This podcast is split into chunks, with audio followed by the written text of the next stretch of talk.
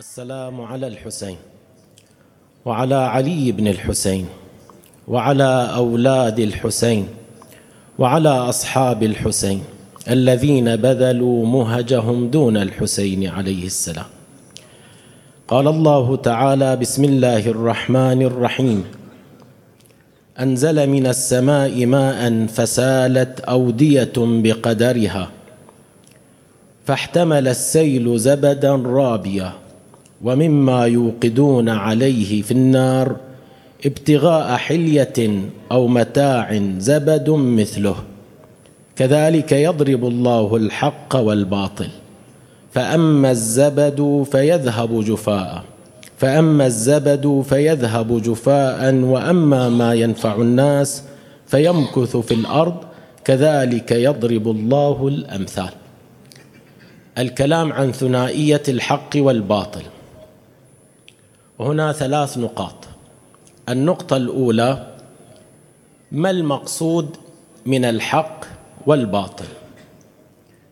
الظاهر بأن الحق بحسب كل الاستعمالات في القرآن أو في النصوص وهكذا في اللغة يقصد منه الشيء الثابت. الحق هو الواقع والواقعية فالوجود حق لأنه ثابت.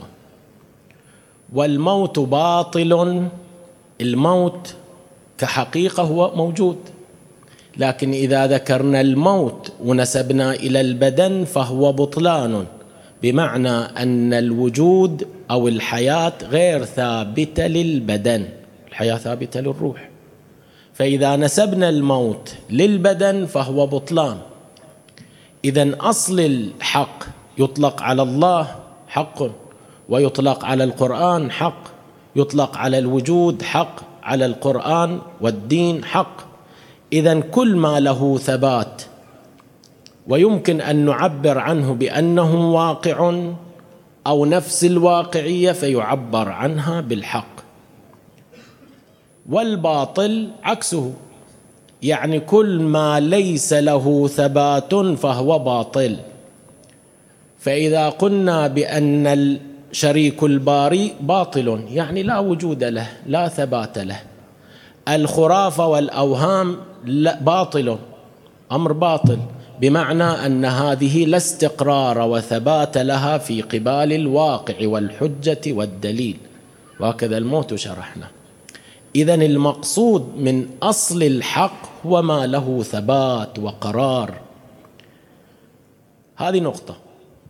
النقطة الثانية قبل ما نروح إلى الآية خلنا نلاحظ استعمالات القرآن وحتى نفهم أكثر المقصود من الحق والمقصود من الباطل وكلامنا الآن عن الحق بيكون العنوان عن الحق والباطل في النشأتين.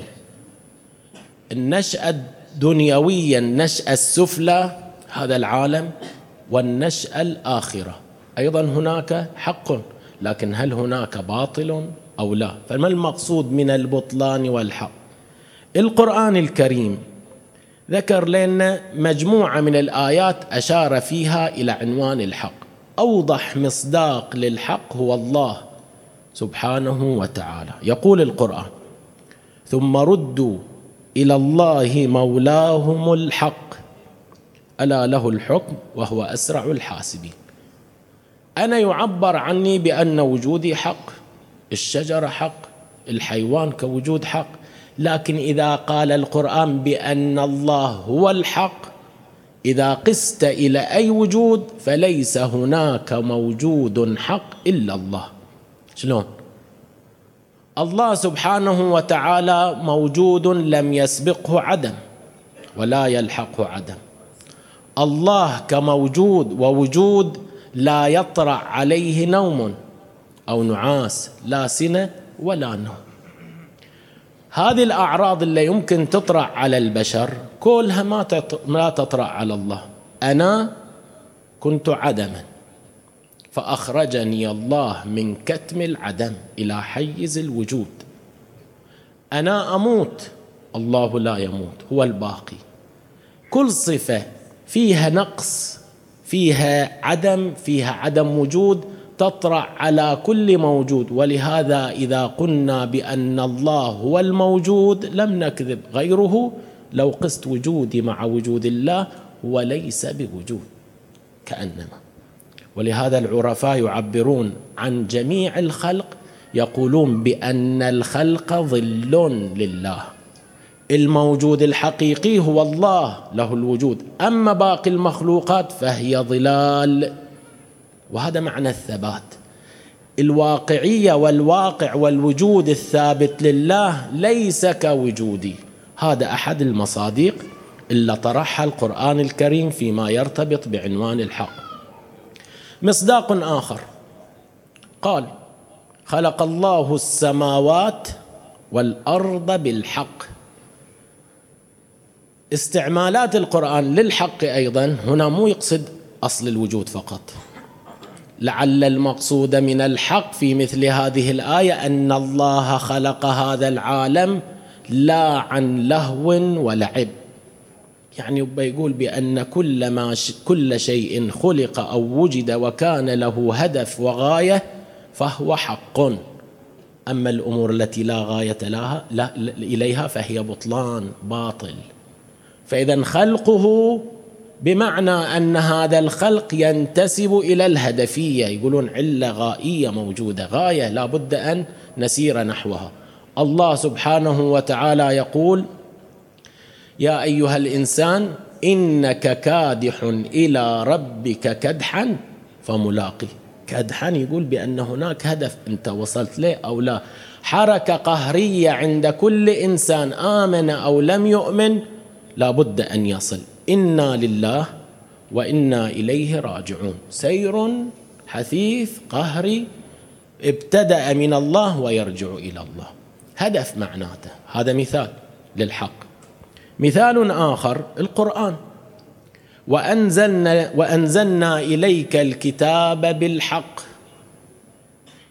كانما اشاره إلى ان معارف القران معاني التي ذكرها القرآن معان واقعية بخلاف المعاني التي يطرحها البعض.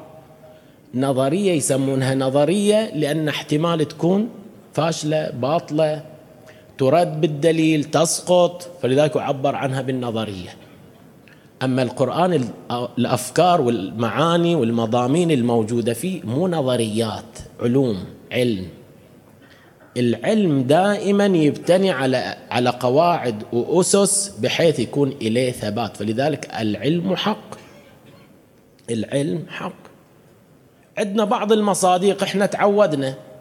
دائما نجيب بعض الأفكار الغربية ونقول أسلمت العلم أسلمت العلم الفلاني. لا هو مو علم. بعض الأمور مو علمية. العلم لا يتغير ابدا. طبيعة العلوم ثابتة. إحنا عندنا جابوا لنا وسامحوني على اللي يمكن بعضهم يميل إلى بعض هذه الأمور. مثلا هذا علم الطاقة مو علم. هذا مو علم. البرمجة العصبية قالوا أسلمت البرمجة العصبية. مو علم. وخاصة هذا علوم الطاقة أصلا مأخوذة من البوذيين وغيرها رجعوا إلى التاريخ كذا مبنية على أسس بوذية الحاد كفر كذا. معتقداتهم بنيت عليها. إحنا نجي دائما أسلمت أسلمت وأسلمت. إحنا ما ما نحتاج هذا. علم هذه نظريات. فلذلك لا تبقى. لاحظوا أنتم هذه الأمور تجي فترة معينة وتخفت تروح لأنه لا واقع لها لا ثبات لها. القرآن مضامينه روايات أهل البيت وعلوم أهل البيت مضامينها ثابتة. مصداق آخر وأخير. هو الذي أرسل رسوله بالهدى ودين الحق. عبر عن الدين بأنه حق. الدين واحد. لم يأتي آدم بدين يختلف عن آد عن دين نوح. ولم يأتي نوح عليه السلام بدين يختلف عن دين عيسى. ولا دين عيسى يختلف عن دين النبي الأكرم صلى الله عليه وآله. إن الدين عند الله الإسلام. دين واحد. هذه الشرائع هذا عندنا دين وعندنا شريعة في فرق بين الشريعة والدين. الشريعة هذه الأحكام اللي يمكن تتغير من زمان إلى زمان من أمة إلى أمة أخرى. لكن أصل الدين لب الدين هو واحد لا يتغير. السبب؟ لأن ما جاء به كل الأنبياء شيء واحد. لا يتبدل ثابت ثبات توحيد معاد نبوة إمامة ولاية كل هذه. حتى أصل الصلاة أصل الزكاة هذه أمور لا تتغير. إذا الدين حق لثباته بخلاف الكفر. أو أي دين آخر غير هذا الدين المرتبط بالتوحيد وكذا فهو بطلان. إذا هذه النقطة انتهينا منها. الآن نجي إلى الآية. إحنا قلنا بنتكلم عن الحق والباطل. الآية القرآنية اللي بدأنا بها عبرت عن المثل. جابت مثال ومن ثم قالت بأن الله يضرب الأمثال.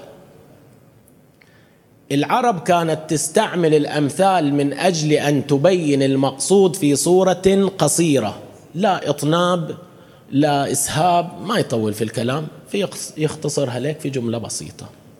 القرآن لما جاء بالمثال والمثل أو ضرب المثل لا يقصد منه هذا المعنى. القرآن جاء بالمثل من أجل أن يبين حقائق القرآن كأنما يريد أن يقول بأن حقائق القرآن لعمقها لدقتها. أنت تحتاج إلى ضرب المثل. فضرب المثال لا من أجل تيسير ما أدري تسهيل ما أدري عدم إطناب لا من أجل الفكرة توصلك. في آية عجيبة في القرآن الكريم. تشير إلى أن الذي يفهم ضرب المثل مو أي إنسان وإنما العاقل. الذي يعلم المقصود من ضرب المثل لا يعقلها إلا العالمون. في الآية الشريفة. الآية تقول هكذا.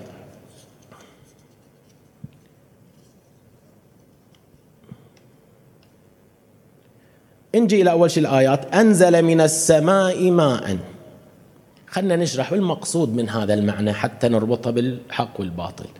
أنزل من السماء ماء فسالت أودية بقدرها.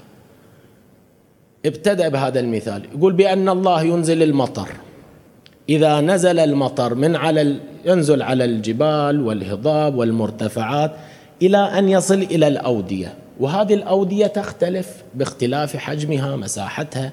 بالإضافة أيضا إلى النازل من الماء يختلف تارة يكون يسبب فيضان وأخرى ليس كذلك.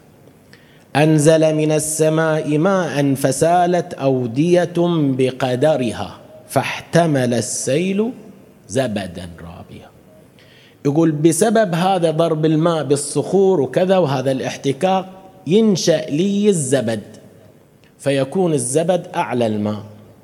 أنت تلاحظ هذا الزبد باقي غير متحرك والحال أن الماء من تحته يجري. ومما يوقدون عليه في النار. هذه مش دخلها بهالمعنى؟ يبقى يشير إلى مثال آخر مشابه. هذا الذي يعمل في الذهب يقول صياغة وكذا. أيضا هذا الزبد يتكون من هالعملية الخاصة فيبقى الذهب السائل الخاص هذا تحت والزبد فوق. كذلك يضرب الله الحق والباطل. أنت دائما هذا الزبد يبقى مده معينه وهو ساكن لا يتحرك بخلاف الماء. بعد مدة ينتهي الزبد يجف يبقى الماء هو الباقي. كأنما يريد أن يقول بأن طبيعة العلاقة بين الحق والباطل هكذا. قد يكون الحق مستورا بسبب الباطل بسبب ما ألبسه الناس فيبقى مده من الزمن مستور لكن واقع الباطل هو لا فائدة منه. كالزبد ما منه فائدة. أصلا مو باقي. قوام الذهب قوام أن يذهب. لكن الحق قوامه حقيقته البقاء. كذلك ضرب الله الحق والباطل. فأما الزبد فيذهب جفاء. وأما ما ينفع الناس فيمكث في الأرض. هذا المثال حقيقة. إذا لعل بعض الأعلام يقول أصلا القرآن من بدايته إلى نهايته مبني على ضرب المثل. ليش؟ قال لأن الناس حقائق القرآن أصلا ما يمكن يوصلون إليها. لكن حتى يصلوا إلى حقائق القرآن مهما كان هذا الإنسان لابد له من ضرب مثل. وهذا المثل يقرب إلينا الفكرة. هذه الفكرة أيضا اللي هي ضرب المثل في القرآن الكريم يتفاوت تعقل هذا المثل من شخص إلى شخص آخر. ولهذا هذا أشبه بكلام أمير المؤمنين. هذه الآية إذا من جيب لها كلام آخر. أمير المؤمنين يقول وإنما سميت الشبهة شبهة لأنها تشبه الحق. فأما أولياء الله فضياؤهم فيها اليقين ودليلهم سمت الهدى. هذا العالم يبقى يشير المولى عز وجل. هذا العالم كل العالم عالم الدنيا. أصلا مبني على حق وباطل. تعبير آخر لهذا المعنى أن عالم الدنيا بني على التزاحم. كله مبني على التزاحم. هذا العالم له ظاهر لا تعتمد عليه. قد يكون ظاهره حق وهو باطل وقد يكون الظاهر باطلا وهو حق. فلذلك أنت تحتاج إلى معين من أجل أن يبين لك الحق من الباطل. وأوضح معين التقوى. أوضح مقين المعين لذلك التقوى. الآية التي ذكرت ومن يتق الله يجعل له مخرجا. خوش آية. طبقت على عدة موارد. يجعل له مخرجا لرزقه. لو امتنع لو ضيق عليه. لكن أمير المؤمنين يقول بأن التقوى أوضح طريق لبيان الحق. ويفصله عن الباطل. في الرواية الأمير المؤمنين يقول ومن يتق الله يجعل له مخرجا من الفتن. يعني من الفتن يعني سمتك طريقك هكذا. ولهذا الرواية أيضا فضياؤهم فيها اليقين. الدنيا كلها إذا ارتبطت بحق وباطل عالم التزاحم عالم أنت مربوط إبه ومطالب بالعفة مثلا لاحظ. لكن هناك من يدعي أن هذا الشيء يستلزم العفة وآخر يقول بأنه لا لا يستلزم. شو التناقض؟ بعض الموارد فكرة معينة من الأفكار. بعض يقول هي موافقة للدين وآخر ليس كذلك. الدنيا هكذا بنيت على أن تكون منشأ للتزاحم لكن هذا التزاحم لم يكن مجعولا من قبل الله سبحانه وتعالى. بمعنى أن الشبهة أن الفتنة أن الباطل مو الله هو الذي يصنعه وإنما تصنعه أيدي الناس. فلذلك أنا أحتاج إلى تمييز. إذا كان هذا واقع الأمر وعليه حتى أنت تكون واضح عندك المسألة لابد أن ترجع إلى نقطة معينة توضح لك الأمور. هذا ما يرتبط بالنشأة الأولى. عندنا كلام مثلا إحنا نجيب لك مثال حتى يوضح الفارق بين النشأتين. إذا قلنا بأن هذه النشأة نشأة حق وباطل كل شيء مختلط حتى الدين. دين الله حق يقول القرآن الكريم. دينه الحق وين هذا الدين؟ اللي عند الناس؟ لا مو اللي عند الناس. الناس كثير منهم لبس هذا الدين بعض الأفكار التي هي باطل. حتى الدين في عالمنا عالم اختلط فيه الحق والباطل فجرى حتى على الدين. الآيات التي تشير إلى أن الدين حق الدين حق عند الله. الدين الحق هو عند أئمتنا. أما الذي بيد الناس تدخلت الأهواء فغيرت بدلت تعمدت تبديل البعض. فلذلك حتى ديننا جعل فيه حق وباطل. شلون أنا أميزه؟ القرآن جاب لنا هالأمثال من أجل التمييز. يقول دائما الباطل زائل. مو بس زائل زائل يبقى يشير بأنه ليست له قواعد قويمة بخلاف الحق مبني على هذه الأصول. أما النشأة الآخرة. حين هذا الفارق. ني حق وباطل. أما في ذلك العالم عالم البرزخ أو عالم القيامة. كان للباطل فيه. ليش؟ ما حد ما له. السبب لأن الأهواء هناك ما لها أي دور. لأن الحاكم في ذلك اليوم مو فرعون. الحاكم في ذلك اليوم ليس نمرود. المتصرف في أديان الناس مو فلان وفلان كالذي حكم على الإمام بالخروج عن دينه مو هذين وإنما الحاكم في ذلك اليوم هو الله. في عالمنا هذا عالم الدنيا مالكية ومملوكية وسلطة الله عز وجل ترى مو واضحة عندنا إحنا. ولذلك إذا تقرون هذه الآية الكريمة يوم هم بارزون لا يخفى على الله منهم شيء. بعدين المولى عز وجل في ذلك اليوم عند بروز الناس وعندما يحشر الناس هو يقول لمن الملك اليوم؟ كنتم في هذا العالم تتصرفون وتعملون على أساس أنتم مالكون. لذلك أنا اتصارع يا فلان وأتنافس يا فلان والحال أن الملك في هذا العالم لله الله يقول يجب الخمس تقول هذه أموالي. الزكاة واجبة أموالي. لا يمكن أن أقدم ولدي. ولدي بعد أشبه بالملك عندي. ما يمكن لأن أنا أعتبر بأني ليد وسلطة وملك. مالك يوم الدين هذه اللفظة. مالك يوم الدين. مالكي هني لها معنيين؟ لأن ترى المالك بمعنى الملك وأخرى بمعنى الملك. إذا كانت بمعنى الملك الملك يعني السلطان والسلطنة. رؤساء هذا العالم إذا لهم سلطنة يعني ملك. أما الملك فهو مختص بالله. ذاك السيد طباطبا يقول في قراءتين عندنا مالك وملك يوم الدين. يقول والأولى خلاف لكن المشهور ما يقرونها في الصلاة والأولى أن تقول مالك يوم الدين. ليش؟ قال لأن ملك تشير إلى الملك الحقيقي وهذا الملك الحقيقي يستلزم السلطنة. الملك مو دائما يستلزم السلطنة. الله سبحانه وتعالى في ذلك اليوم بعد أن الناس اعتقدوا بأن لهم يد سلطة وإلى آخر لمن الملك اليوم لا أحد يجيب وإنما الله سبحانه وتعالى هو الذي يجيب لله الواحد القهار.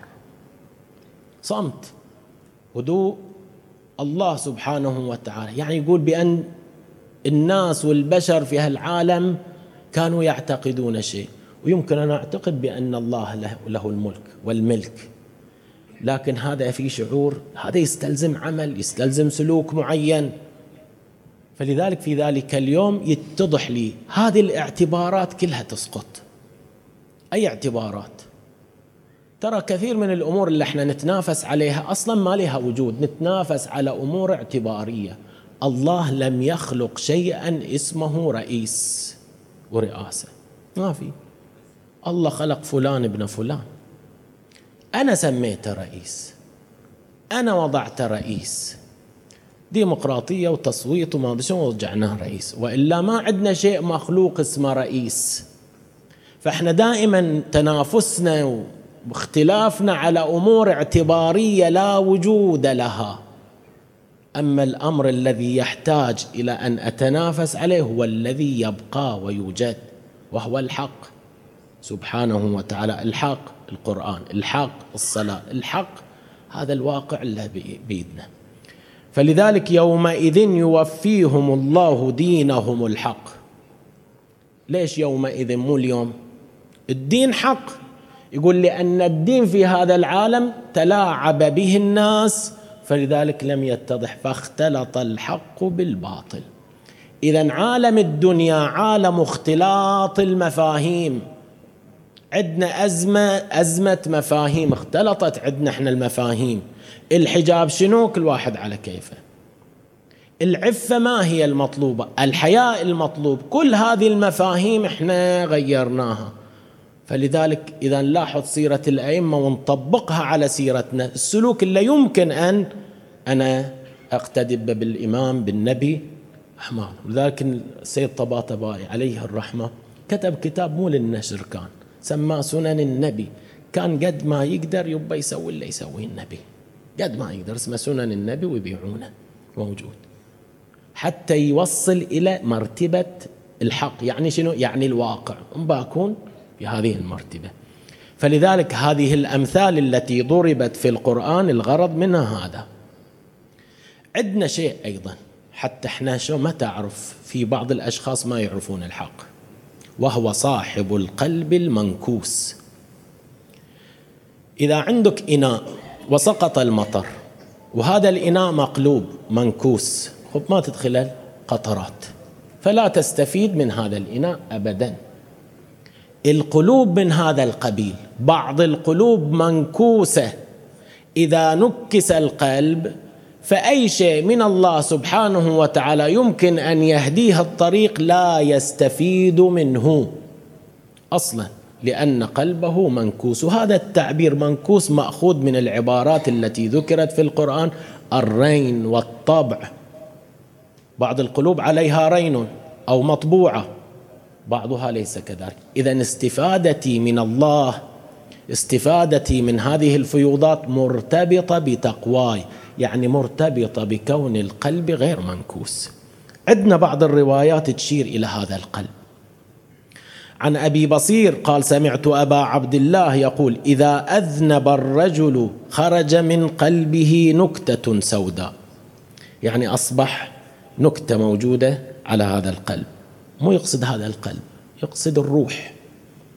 فإن تاب انمحت وإن زاد زادت حتى تغلب على قلبه فلا يفلح بعدها أبدا. هذا صاحب القلب المنكوس. رواية أخرى.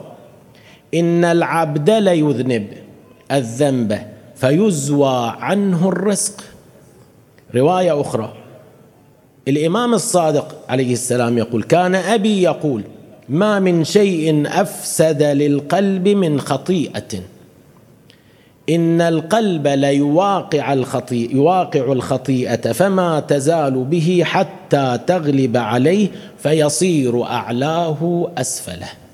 يعني انقلبت هالموازين. إذا صار أعلاه أسفله لن يتمكن من إبصار الحق. الحق بعض الأحيان واضح جدا.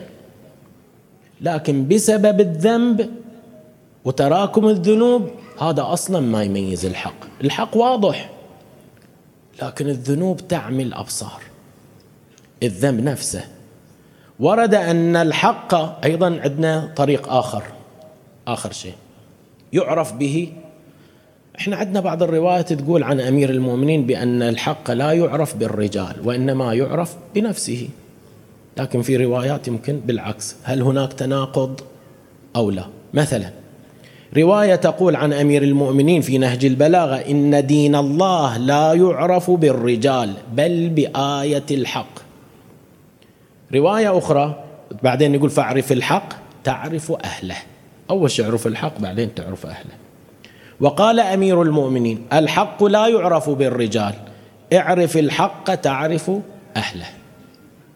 لكن في القبال عندنا بعض الروايات التي تجعل بعض الأشخاص هم ميزان الحق.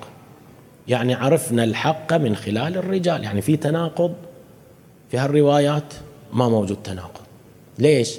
روايات أمير المؤمنين اللي يبين فيها بأن معرفة الحق هو الذي يجعلك تعرف بأن هذا الرجل وهذه الأمة على حق فيما لو كان الحق واضح.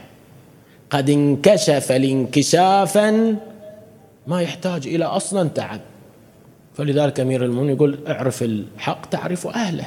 ولا يعرف بالرجال في مثل هذه الموارد لوضوحه. لكن بعض الموارد الإنسان يبتلي بعدم معرفة الحق. في الجمل أول مرة يبتلون الناس مسلمين ومسلمين بعض أصحاب أمير المؤمنين اعتزلوا القتال. قالوا أنا حق كذا. فسئلوا. بعضهم أشار بميزان. قال في ميزان. ما هو هذا الميزان؟ الميزان هكذا. عن أبي بكر الهذلي. قال دخل الحارث ابن حوطن الليثي على أمير المؤمنين علي بن أبي طالب فقال يا أمير المؤمنين ما أرى طلحة والزبير وعائشة احتجوا إلا على حق. اشتبه الرجال يقول هذا على حق بعد. فقال يا حارث إنك إن نظرت تحتك ولم تنظر فوقك جزت عن الحق. بعدين يعطي قاعدة إن الحق والباطل لا يعرفان بالناس وكثرتهم عجل قال ولكن يعرف الحق باتباع من اتبعه. يقول في أشخاص معينين. واجتنب الباطل باجتناب من اجتنبه. في رواية ثانية يقول لي عليك بعمار؟ هذا عمار عندنا رواية علي مع الحق والحق مع علي. هذه لها معنى. رواية عندنا عمار مع الحق والحق معه. يعني شنو؟ هني الحق عمار مع الحق يعني مع علي. هناك علي مع الحق المقصود الواقع. أمير المؤمنين كشف له كل شيء لكن عمار إنما يتبع الحق الذي هو علي. فلذلك معرفة الحق في بعض الموارد تحتاج إلى معرفة الرجال. فلذلك الغريب أمير المؤمنين والرسول يقول أعلم أعلم أمتي علي أقضاكم علي أعلمكم كذا كذا لكن يبتعدون عنه ولم يروى عنه شيء. رواية واحدة بس رووا في الصحاح عن أئمتنا ارتبطت بالحج وهي رواية عن الإمام الباقر. وين أئمتنا؟ شلون تعرف الحق؟ إلا من هذا الطريق. وذاك الإمام يقول شرقا أو غربا لن تجدا علما إلا ها هنا. عندنا فقط في يوم كربلاء ما تحتاج تعرف الحق حتى بالرجال. لكن عندنا الحق واضح وعندنا رجال هم نفسها نفسه الحق. فلذلك الذين حاربوا الحسين عليه السلام مو لأن الحق غير واضح هذه امتلأت أرواحهم نتنا امتلأت نفوسهم حقدا. فلذلك ذاك يقول له وإنما نقاتل نقاتلك بغضا منا لأبيك. هذا البغض عشعش في النفوس. في زمن أمير المؤمنين. أمير المؤمنين يمشي. يجي له فلان متى ما رأى أناس قريبين من أمير المؤمنين حتى يشعل شعلة الحقد يقول يا فلان هذا قتل أبوك هذا قتل عمك هذا قتل كذا. يشير إليه فالحقد هذا يتوجر. الحق كان واضحا. الذنوب لها دور. ولذلك انت راجع بعض القتل اللي باشروا مباشره لن تجد منهم إلا شارب خمر. بل قيل بأن الذي وطأ صدر الحسين عليه السلام بالخيول بحثنا عنهم تقول الرواية التاريخية فلم نجد منهم إلا ابن زنا. واقعهم هذه وإلا الحق كان واضحا. ولذلك علي الأكبر عليه السلام في ذلك اليوم كان واضح عنده جاب لما هوم الحسين وهو في الطريق. فسأل الأكبر ما الذي ما الذي جرى كذا؟ قال سمعت هاتفا يقول القوم يسيرون والمنايا تسرع خلفهم. يقول للإمام ألسنا على الحق؟ حق باطل إحنا. ألسنا على الحق؟ قال بلى. إذا لا نبالي. وقعنا على الموت أو وقع علينا ما في فرق عندنا. أسلم لله نفسه. فلذلك منزلة الأكبر عليه السلام منزلة عظيمة جدا. وما يذكر خطبائنا ويذكرون البعض بأن العباس عليه السلام لما توجه للمشرعة لجلب الماء كأول مرة. كان الأكبر معه. هذا الفارس هذا الشجاع. ولهذا كان قتله موجعا لقلب الحسين عليه السلام. يعني أيضا من وجوه بيان الحق هو علي الأكبر. لما برز وكان أول من برز من بني هاشم.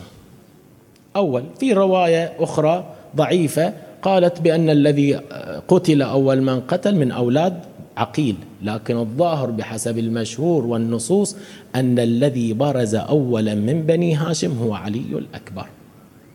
وقال الحسين عندما خرج اللهم اشهد على هؤلاء القوم فقد برز إليهم غلام. غلام يعني شاب. أشبه الناس خلقا. وخلقا ومنطقا. مو بس خلقا وخلقا حتى المنطق يعني عالم. برسولك محمد صلى الله عليه وآله.